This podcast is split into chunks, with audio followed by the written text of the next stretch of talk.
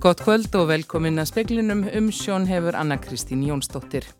Sturlun, segir formaður starfskreinasambandsins um 13. stýrivaksta hækkun Seðlabankans í röð í 8,25%. Hagfræðingur samtaka aturlífsins telur að afleita áhrif hækkunarinnar komi jáfnvel ekki framferðin eftir nokkur ár. Þingmenn stjórnar andstöðun að segja neyðar ástand ríki í efnagsmálum. Rúmlega 2000 hafa sótt um alþjóðlega vernd hér landi frá áramótum, fleiri en á sama tíma í fyrra sem var meðtár. Engar vísbendingar er um heilu flugvélarnar af umsækjendum um vernd. Um 3000 er á byggðlista eftir leigu íbúð hjá Bjarki sem hefur á fimm árum byggt um 1000 íbúðir. Sérfræðingur hjá ASI bendir á að mörg 1000 íbúðir í Reykjavík séu skamtímalegu og að sveitarfélög ættu að geta haft meira, meira áhrif á hvernig húsnæði er raðstafað. Öllum ávinningi kjærasamningana sem gerðir voru í vettur hefur verið sópað í burtu og meira til, segir Viljónum Birgisson, formaður starfskreina sambandsins um stýrivaksta hækkun Sæðlabankars í morgun. Í mínum huga eru viðbröðu mín bara störlun. Við erum að horfa bara upp á það að frá því að við undirritu kjærasamninga á hennum almenna vinnumarkaði 3. desember, þá hefur Sæðlabankin hækka stýrivakstu 3% sem að gerir ekkit annan að verkum að það er búið að sópa öllum ávinningi kjærasamningsins í burtu og miklu, miklu, miklu meira til. Vilhjálmur segist ekki eiga svar við þeirri vegferð sem Sæðlabankin sjá gagvart íslenskum heimilum og launafólki með vakstahækkunum. Kjara samningarnir í desember hafi kostað um 74 miljardar. Vakstahækkannar getur til þess að auka fjármangskostna fyrirtækja sem skulda um 162 miljardar og þeim kostnaði verði velt út í verlaið, neytendur og launafólk borgi brúsan. Vilhjálmur segist ekki vita hvernig verkalýsreifingin eigi að starfa í þessu umhverfi. Ég get ekki séð að það sé hægt að fara í langtíma samninga með, með það ástand sem er akkurat í dag sagði Vilhjálmur Birgisson og þrálátar stýrivaksta hækkanir hafa mest áhrif á heimili með húsnæðislán og neyslulán á breytilegum vöxtum. Þá koma hækkanir illa við fyrirtæki sem gætna er með lán á breytilegum vöxtum, hærra vakstastig dregur úr fjárfestingu en það hefur áhrif á húsnæðismarkaðin og Anna Hrefna Ingemyndadóttir, hagfræðingur og aðstofa framkvæmstjóri samtaka atunlífsins segir augljóst að stór aukinar uppbyggingar sé þörf á íbúðum. Og það sem ég svo ætlar ágjörað með þessar stýrivextahækkanir er að þetta hækkar svo mikið fjármakskostnað og þá einnig þeirra sem er að byggja að þetta muni hafa verulega hamlandi áhrif á íbúðuppbyggingu og muni þannig í rauninni bara viðhalda þessu háa verðið sem hefur verið á íbúðumarkaði. Þannig að það eru þetta Það er um svolítið svona tví ekkjað að auðvitað hefur peningastefnun nefnd Sælabankans það mandat að ná niður verðbólgunni en svo hefur þetta auðvitað alls konar afleitt áhrif sem munir kannski ekki komið ljós fyrir en já, mögulega þess vegna eftir einhver ár sko. Sagði Anna Hrefna Ingemyndardóttir. Formaður samfylkingarnar óskaði eftir neyðarfundi á alþingi dag vegna stöðunar í efnagsmálum. Þingmenn stjórnar andstöðunar sögðu stýrivaksta hækkun vera þungt högg fyrir heimil í landinu. Þingmenn og fórustu fólk stjórnaranstöðuna lístu yfir þungum áhyggjum af stöðu efnaðasmála við uppaf þingfundar í dag í ljósi vakstahækkunar Sælabankans. Kristrún Frostadóttir formaði samfylkingarna sæði nöðsilegt að umræðum efnaðasmál er þið sett á dasgra á alþingis sem fyrst. Og það þarf ekki fleiri fundi í þjóðhagsráði eða býða eftir niðurstöðum húsnæðishóps til að átta sig á því það þarf að ráðast í aðgerðir sem taka gildi núna á næstu vikum. Við getum ekki beðið eftir niðurstöðum fjármála áallana fyrir árið 2024 til að bregðast við ástandinu. Til hvers er ríkið ef það er ekki til að bregðast við ástandi sem þessu? Til að dreifa högginu af þessu áfalli sem nú stendur yfir. Aðrir þingmenn stjórnarnarstöðunar tóku undir þetta. Ég get svo sannlega tekið undir það að það ríkir ákveði neyðarástand í efnagsmálum þjóðarinnar. Hagstjórnin hér í landi er í mólum. Það er fullt af fólki sem er að taka á sig alveg svakalett högg, fyrirtæki líka. Saði Sigmar Guðmundsson þingmaða viðresnar, ástildur Lóa Þóstóttir þingmaða flokksfólksins kallaði eftir tafarlausum aðgerðum. Það þarf að gera eitthvað til þess að hjálpa heimilum sem eru bókstaflega komin á vonarvöl. Um, þetta, þetta var bara svona grimmilegt högg, enn eitt höggið í 13. skipti sem kom frá Sæðlabanka Íslands í morgun og ríkistjórn Íslands verðist algjörlega verið búin að gefa þetta frá sér og gefa valdið til þessa fólk sem að þar setur til þess að ráða þessu algjörlega. Sagði ástildur Lóa Þórstóttir á þingi í dag, höskuldur Kári Skram tók saman. Aðal meðferð hófst í dag í máli Steinu Átnadóttur hjúknarfræðings sem er ákjærð fyrir árið sjúklingi að bana og geðdill landsbítalans við ringbraut í, í ágúst fyrir tveimur árum. Steina neytar sök. Steina lísti við skýrslutöku fyrir dómi í morgun að vinnu álægið hafi verið mikill.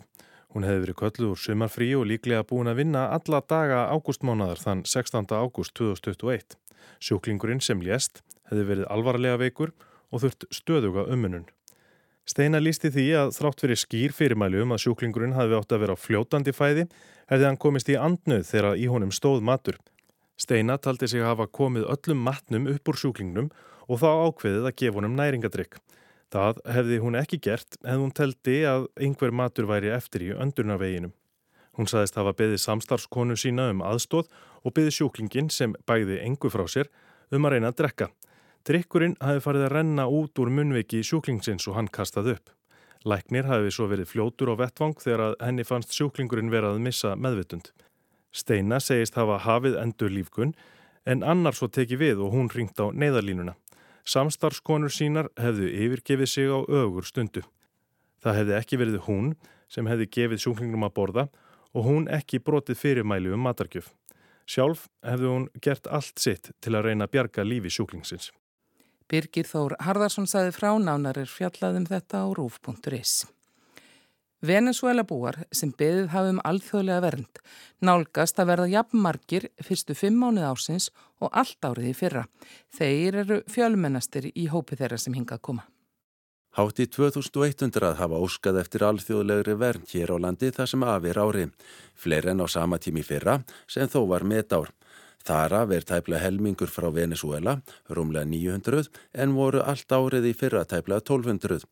Bergþór Ólason, þingmað miðflokksins, sað á alþingi í síðustu viku að hinga væri á leið flugvél með fólk frá Venezuela sem væri búið að selja flugfar með fyrirheitum um auðveldan aðgang að alþjóðlegri verðn. Það er auðvitað svolítið sérstakta þegar vitað er af með hula heitli flugvél eh, á leið sem er búið að selja sérstaklega í á þeim forsöndum sem hér hefur verið sagt frá að það flaggi engum rauðum flöggum uh, slíkar upplýsingar. Ekki er þó að sjá að hingað hafi komið flugvél fulla fólki að sækjum alþjóðlega verð. Kvorki að við tölum við fólk sem starfar í geranum nýja vopimbyrjum tölum. Þó hefur það gerst 23 svesinum í ár og í fyrra að 20 eða fleiri frá Venezuela hafa sótt um alþjóðlega vernd á einum degi, mest 37 sama daginn. Tæpla 2000 umsækjendur um alþjóðlega verndir í búsetu á vegum vinnumálastofnunar. Um mitt síðast ár vorum um 700 í slíku húsnæði. Brynjólf Þór Guðmundsson sagði frá. Grænlendingar eru ósáttur við að rannsókn er ekki enn hafinn á svo kallaðri likju herrferð dana á Grænlandi. Átta mánuður eru síðan dönsk stjórnvöld lofuðu að skipa nefndum málið. Dönsk yfirvöld letu koma fyrir getnaðarvarnar likjum hjá um 4500 stúlkum og ungum konum í Grænlandi á 7. og 8. áratug síðustu aldar. Markmiðið var að hæja á fólksfjölgun í landinu. Um 9000 konur voru á barnegna aldri á þessum árum og varum helmingurinn gerður ófrjór án samþykkis með þessum aðferðum. Danir og grænlendingar sammæltust í fyrra um að skipa nefnd til að rannsaka tildrögmálsins og umfang þess. Grænlendingar viljað einhverjir verði dregnir til ábyrðar. Til stóðað nefndin skilaði niðurstöðum 1. oktober á næsta ári. Það er tegar ómögulegt þar sem vinna nefndarinnar á að taka tvö árhið minsta og enginn hefur verið skipaður í nefndina. Múti Egede, formaður grænlensku landstjórnarinnar, segir aðgerðaleysið skada samband Dana og grænlendinga. Jeg er skuffet over at det tager så lang tid med at få, få i gangsat nogle ting som virkelig betyder Øh, noget for, øh, ikke mindst for, for de kvinder, der har fået den behandling, men også for det grønlandske samfund. Hann segist svektur yfir hversu langan tíma málið tekur, ekki síst fyrir konurnar sem voru beittar þessum órétti á sínum tíma. Málið komst í hámæli í fyrra þegar hlaðvarps þættir danska ríkisútvarpsins um það komu út. Þar komu grænlenskar konur fram og sögðu frá raunum sínum. Róbert Jóhansson tók saman. Nýlega var 12 fermetra kjallaraherbergi í Norðumýrinni Reykjavík auglistilegu fyrir 120.000 krónur á mánuði. Hiti, rafmagn, hússjóður og net er innifalið. Fyrir helmingi meira, 240.000, var auglist snirtileg tveggjaherbergja 46 fermetra íbúð í kjallar á Seltjarnesi. 49 fermetra íbúð við lokast í Reykjavík fæst fyrir tæplega 300.000, hiti og hússjóður innifalinn ekki rámagn. Þetta eru nokkuð dæmi tekin af handahófi af síðu leigumiðlunar. Og erfiður er líklega það orð sem oftast hefur notað um húsnæðismarkaðin undanfarnin misseri. Hann sagður yfir spentur og húsnæðisverði hefur hækkað mikið. Þó eru nú merkjum að hægja á umsvöfum á markaðinum og drægi úr hækkunum að því segir í peningamálum Sæðlabankans sem byrtust í dag um leið og stýrivextir voru hækkaðir. Hækkanir á fastegnamarkaði hafa samt haldið áfram þrátt fyrir vaksta hækkanindar undarfarið og strángari skilirri fyrir landtöku. Frambóð hefur ekki annað eftirspurn og óhjákvæmilega hefur húsalega líka hækkað í ár. Fyrstu kaupendum hefur fækkað og leiðir Sæðalabankina því líkur að yngra fólk leiti í auknum mæli á leikumarkað um leið og hlutfall þeirra sem kaupa sér fyrstu íbúðu lækkar. Og innflytjendum hefur líka fjölgað. Þá hefur fjölgað íbúðum sem settar er í skamtíma leigu fyrir erlenda ferðamenn og það geti aftur haft áhrif á leiguna og húsnæðisverði. Bjarni Þór Sigursson, sérfræðingur í húsnæðismálum hjá Alþjóðsambandi Íslands, segir marga þætti verður til þess að hækka leiguna. Hækkun á verði egna og vöxtum sé eitt þáttur. Það er líka eftirspurna þátturinn. Bara svona sem dæmi þá ætlum ég að benda þér á að 42.000 manns hafa flust hinga til lands umfram brottflutna flutta frá 2016. Á síðustu þremur árum er þetta 20.000 manns. Þetta setur mikla pressu á legumarkaðin e, af því að yfirlega er þetta fólk sem er á legumarkaði efnaminna fólk, uh, fólk sem er að vinna í ferða og bynga innanum. Það setur uh, hérna, mikinn þrýsting á. Ég ætlum ekki að nefna þessu til viðbútar að við vitum að það hefur um stríðið Úgrænu og við höfum hérna ákveða skjóta hjóls og segja við fólk sem kemur þaðan, þannig að það setur líka þrýsting á, á þennan markað. Það hefur náttúrulega samt ímislegt verið gert á undarferðnum misserum og það er ekkit voðalega langt síðan að var farið á stað með leigufélög að borði bjarg þar sem að verkefliðsreifingin kemur að er nægilega mikið aðgert þar eða væri hægt að gera meira? Eh, við teljum það að það þurfa að gera meira í þessu. Það er alveg degin ljósara að nú er komin bara er að komi tarfur kuldi á verktakamarkaðin og menn eru halda að sér höndum verktakar á almenn markaðnum þannig að, að þörf fyrir svona félögum svo bjarg og blæ undir handleyslu verkærisreifingarnar að það skiptir greiðlega miklu máli og það þarf að það auka þetta. Bjarg hefur byggt á árunum 2018 til 2023 tæmlega þúsund íbúður. Þúsundasta íbúðum fer í leigu á þessu ári. Sem dæmi þá byggðist bregðalt upp á, á tíu árum, þarna, þetta búið gert á fimm árum. Það þarf að bæta þarna í en þetta er auðvitað fyrir þann hóp sem er hvað væssettur og er bjarg og fleiri fjölu sem vinna inn í almenna íbúakerfinu og hljóta stoppstyrkja frá ríkju og sveitafélum.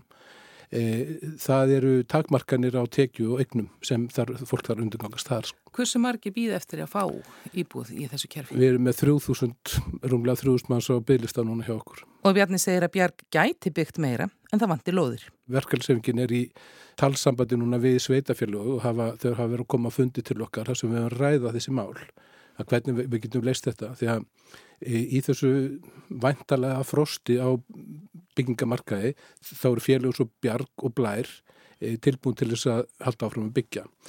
Innviðar á þeirra og, og ríkistjónin hefur talað um það að þeir, þeir, þeir sjá þetta ástand, þeir hafa lofað okkur því að, að þeir, þeir koma til með að bæta þarna í og við að sjá hvernig það fer. Við með, hefum verið með lofvorð í hendi frá þeim sem hafa síðan ekki verið emd og það er kannski líka partur af þessu vandamáli. Það, er, það hefur ekki áhrif á, á, á frambóslutan en það hefur vissulega áhrif á verðið. Það er að segja einhvers konar regluvæðing á leigumarkaðin. Að tempra verðið, e, e, setja einhvers konar leigubremsu. Það þarf að gera, við, við erum lofvorð fyrir þessu og, og það þetta þarf að gera. Hvernig er leigan hjá Bjarki til dæmis?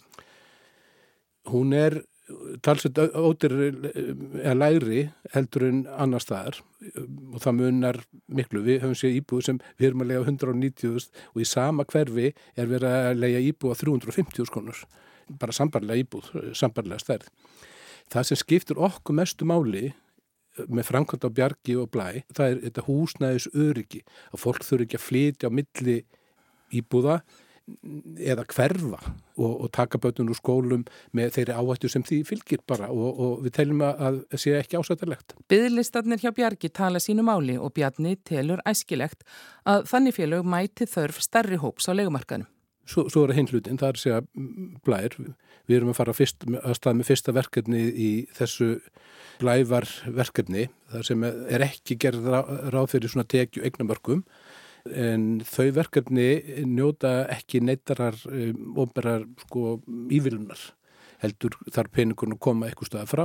Og í þessu verkefni, þessu fyrstu íbúðum, 36 íbúðum upp í Úlvarsardal að það hefur, hefur vaffer e, leg, leggur fram eigi fyrir í því.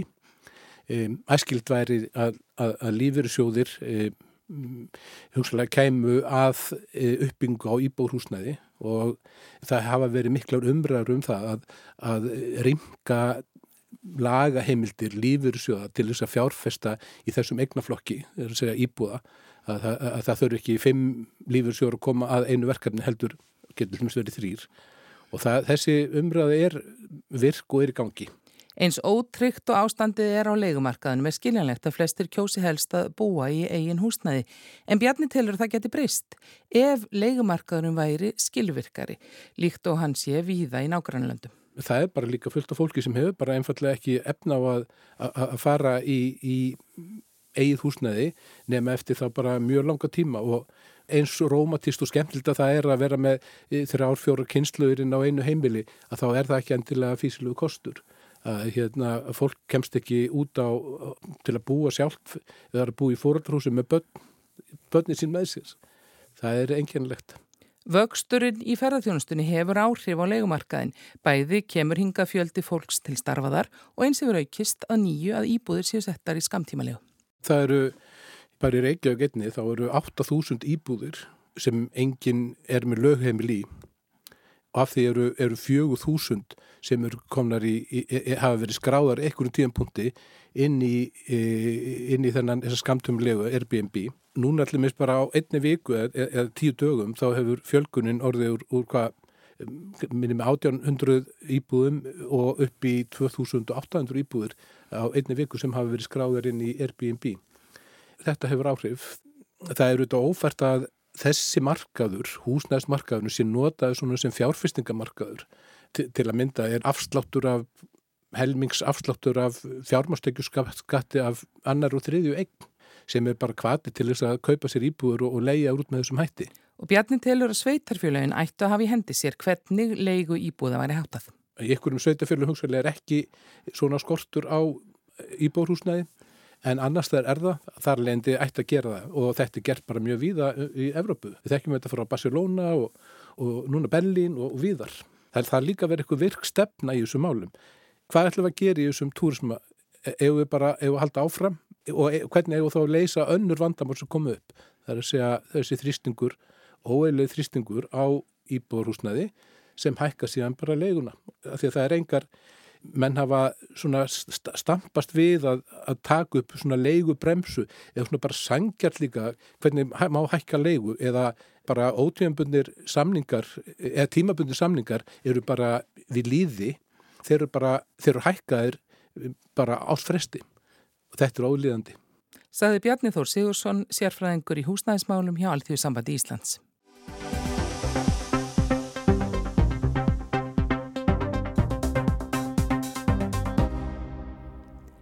Staðan á samningnum um Evrópska efnagsvæði er góð og það er mikill vilji til að framkvæmdans gangi sem best, segir Þórdís Kolbrún Gilvardóttir, utanríkisráþara, sem satt í dag fund ráþararáðs EES-ríkjana með fulltrúum Evrópusambandsins í Brussel.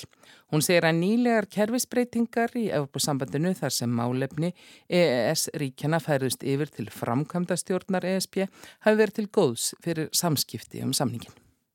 Þórtís, það er tvísóra ári sem að ráðferðar EES-ríkjana hitta í rauninni fulltrú að sambandsins og taka snúninga á stöðunni á, á þessum samningi eh, sem er að verða 30 ára gammal og er svona af mörgum talin einn mikilvægasti álþjóðarsamningu sem Ísland hefur gert. Þannig að, þannig að það kannski blasir við að spyrja það bara, þú veist, eftir hennar fund í dag, hver er svona, svona þínum að til staðan almennt á þessum samningi? Staðan almennt á samningum er, er, er góð og það er eh, mikill sameilu vilji til þess að hlúa að hannum og, og, og passa upp á hann. Um, það komuð þetta upp mál, einstaka mál, einstaka ríkja, jafnvel að ES-ríkin standi saman með eitthvað mál eða verkefni sem þarf að leysa kakvart uh, Európa-sambandinu en það er bara hluta því að, að hérna, sko lifa með lifandi samningi sem að, hérna, og bara samskipt og það, og það gengur í báðar áttir. Um, en það er svona mikil meðvutundum mikilvæg samningsins og þessar struktúrbreytingar inn í Európa-sambandina sem að Sefcovic er núna, heldur á þessu að maður hérna... Maró Sefcovic sem já. er sko einnum framkvæmtastjórum. Yes, uh, það, hann, hann hérna svona sýnir þessu þann áhuga sem að þarf uh, og, er, og er gott að svona eiga við. Mm -hmm. Það kom upp mál eins og þú segir, ég menna kannski nýjasta dæmi fyrir okkur er, máli með lósunar heimildinar sem að veist, mætti mikill anstöðu í íslenska stjórnkerfinu, það var mikið reynd til að, til að breyta þessum reglum, það er komin einhver niðurst að þar en sko þetta er ekki endilega eina málið sem, að, sem við höfum verið að fást við. Og það eru góða frétti til dæmis núna með að, þessi svo kallega innleiðingarhalli þar er segja hallin á þessi, það, sem að, það sem við höfum ekki leitt inn í, inn í lög á Íslandi, það, þessi sáhalli hefur mingað en á sama tíma hafa líka verið að koma upp nýlega mál sem að, sem að til dæmis eftirlistofnun hefur, hefur já, svona svolítið skamma Íslandika fyrir, ég minna blóðum meira málið er kannski það nýjasta. Þannig að það er svona, þú veist það er alltaf verið að að, að, að setja nýja reglur og það er alltaf verið að gera aðtúasemtir ef við, við setjum það ekki nógu hratt eða setjum það ekki nógu vel mm -hmm. inn í okkar kerfi ekki satt. Mm -hmm. Jú, ég myndi nú svona fyrst sko segja skýrt að, að yfirgnafandi meiri hluti vinnunar, reglana, verklagsins, framkvæmdinn gengur bara mjög vel. Mm -hmm. uh, svo koma mál sem að bæði, sko, eins og þessu tilfell sem þú nefnir, að ESA er að, að hérna, taka upp mál hvert okkur, það er þeirra hlutverk um, og stundum uh, er bara leist úr því með því að við bara breytum einhverju og bara föllumst á það og, sjá, áttum okkur á því. Stundum tökum við til varna, stundum teljum við bara hérna, við vera í, okkur vera í rétti og, og hérna og ESA getur í úspur spurninga að tekja upp mál en því síðan bara svarað og málinu ljúki Þannig að ég held að, sko ég almennt myndi ég nú segja að þetta væri bara uh, eðlilegu hluti samlingsins. Mm. Þetta veitir hérna okkur aðhald uh, en, en líka getur við þá svarað, tekið til varna og brúðist við. Vegna þess að, að alla jafna ættu við að geta gengið út frá því að við viljum standa við það skuldbendingar sem við höfum gefið og, og samningurinn gengur út á það að, að hérna að svona eh, auka getu okkar bæði, bæði borgara og fyrirtækja inn á starra svæði. En svo auðvitað koma alveg dæmið þar sem að reglunar eiga ítla við eða, eða hérna jáfnvel geta haft skæla áhrif eins og flugmáli óbreytt hefði haft. Já, já. og þá þarf að, að grípa til rástafana og, og í þessu tilfelli að þá tókst það sko það er sko greinilegt að það ríkir mikil eindrækni um samningin bæði af hálfu EES ríkjana og, og, og sérst Európa-sambansins um, en á sama tíma þá er þetta eh, hvað, þriðji fundurinn að minnstakosti þar sem ekki tekst að gefa út sameigilega yfirlýsingu um í rauninni niðurstöðu fundarins. Uh, í stað þess er kannski gefur einhvern svona almenn yfirlýsingum um að, um að öllu líki ástandið og velji halda áfram. En, en sérst, uh, þá kannski svona, svona vakið aðtegli að, að, að það tekst ekki að komast að sameigileginu niðurstöðu niðurstöðu um fundin, hvers vegna er það? Sko okkar, það, það stendur ekki okkur. Um, ES-ríkin hérna, eru bara sammálum að það ætti að ganga en samningurinn, yfirlýsingin er síðan með Evrópusambandinu og innan þeirra svona herbúða er, er, er, er eitthvað sem kemur í veg fyrir uh, það. Um, en það fylgir auðvitað aftur að það sé fullir stuðningur og, og, og svo leist þannig að sko áhrifin afleggingarnar af því að, sé, að þetta gerist um, eru engungum myndi ég segja pólitískar, þetta verður engin áhrif á sko framkant samningsins sem slíks.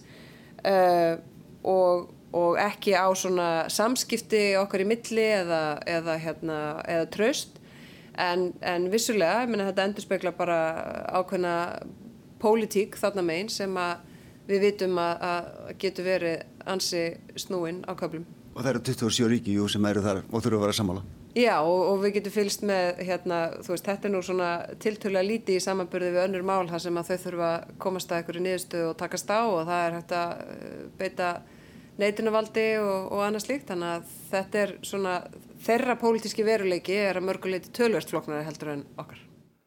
Saði Þórdís Kolbrún Gilvardóttir, auðverkisráð þeirra Björn Malmqvist ræti við hana í Brussel.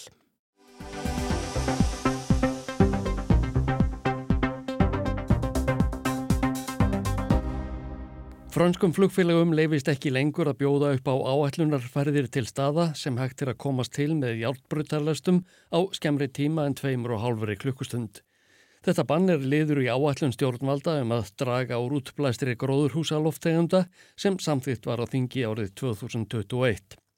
Í fyrstu var áformað að bannið yrði mun viðtækara, næði til staða sem hægt er að ferðast til með lest á fjórum klukkustundum. Frá því var fallið vegna mótmæla frá flugfélögum og fleiri fyrirtækjum í ferðarþjónustu. Þessi takmörkun á innanlandsfluginu í Fraklandi þýðir að ekki verður hægt að ferðast flugleðis millir Parísar og Nantes, Lyon og Bordeaux svo að dæmi séu tekin. Tengi flug verður þó heimilað. Ekki eru allir sáttir við bannið. Loran Dunsjél, eh, formaður samtaka Evrópskara flugfélaga A4E, segir til dæmis í viðtali við AFP fréttastofuna að stjórnvöld ættu frekar að styðja raunverulegar og marktækar lausnir til að draga úr kólefnismengun flugvila en að koma á einhvers konar táknrænu banni sem skili hardla litlu. Þá hafa gaggrinendur þurðað sig á að bannið ná ekki til borga við miðjarðarhafið eins og til dæmis Marseille. Þangað er hægt að komast með háraðalest á um það byrð þremur klukkustundum. Borgararhefingin um loftslagsmál sem Emmanuel Macron fórseti kom á laggirnar árið 2019 hefur einnig álíktað að bannið við innanlandsflugi á skemmri leiðum sé ekki nógu viðtækt. Nær hefði verið að halda sig við að banna ferðir til staða sem hægt er að komast til með lestum á fjórum klukkustundum. Frönsk neytendasamtök taka undir þetta. Í álíktun þeirra kemur fram að flugvilar sendi frá sér 77 sinnum meira koldíóksíð en lestir á hvern farþega. Þau benda einnig á að ódýrara sé að ferðast með lestum en flugvilum.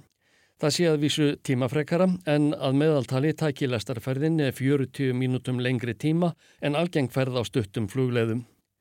Samkvæmt lögunum frá 2021 um úrbætur í loftslagsmálum ber franskum járbröytarfélögum að sjá til þess að ferðir til staða sem ekki má lengur ferðast til í flugi séu tíðar og án tafa. Miðað er við að fólk geti ferðast fram og tilbaka á sama degi með 8 klukkustunda millibili. Fyrirtækin verða einnig að sjá til þess að allir komist með lastónum. Þá er þeim óheimilt að maka krókin með því að hækka fargjöld vegna flugbansins. Þessar vendingar og umtalsverðar verðhækkanir á flugfargjöldum virðast lítil áhrif hafa á almenning í Fraklandi. Ílu Fíkaró kemur fram að fjörðungi fleiri frakkar ætlað að ferðast flugleiðis í sumarleifinu en í fyrra sumar. Aftur eftir Jean-Pierre Maas, forstöðumanni samtaka ferðarþjónustunar, að aukningin frá árinu 2019 fyrir COVID sé 35%. Talið er að þessa ferðagleði megi reykja til þess að fólki var skipað að halda sig heima og sem mest innandýra meðan heimsfaraldurinn geisaði í þrjú ár eða svo. Samkvæmt upplýsingum úr ferðageranum hafðu 52% Evrópubúa skipulagt sumarleifisferðir sínar strax í apríl. Það eru 8% fleiri en á sama tíma í fyrra.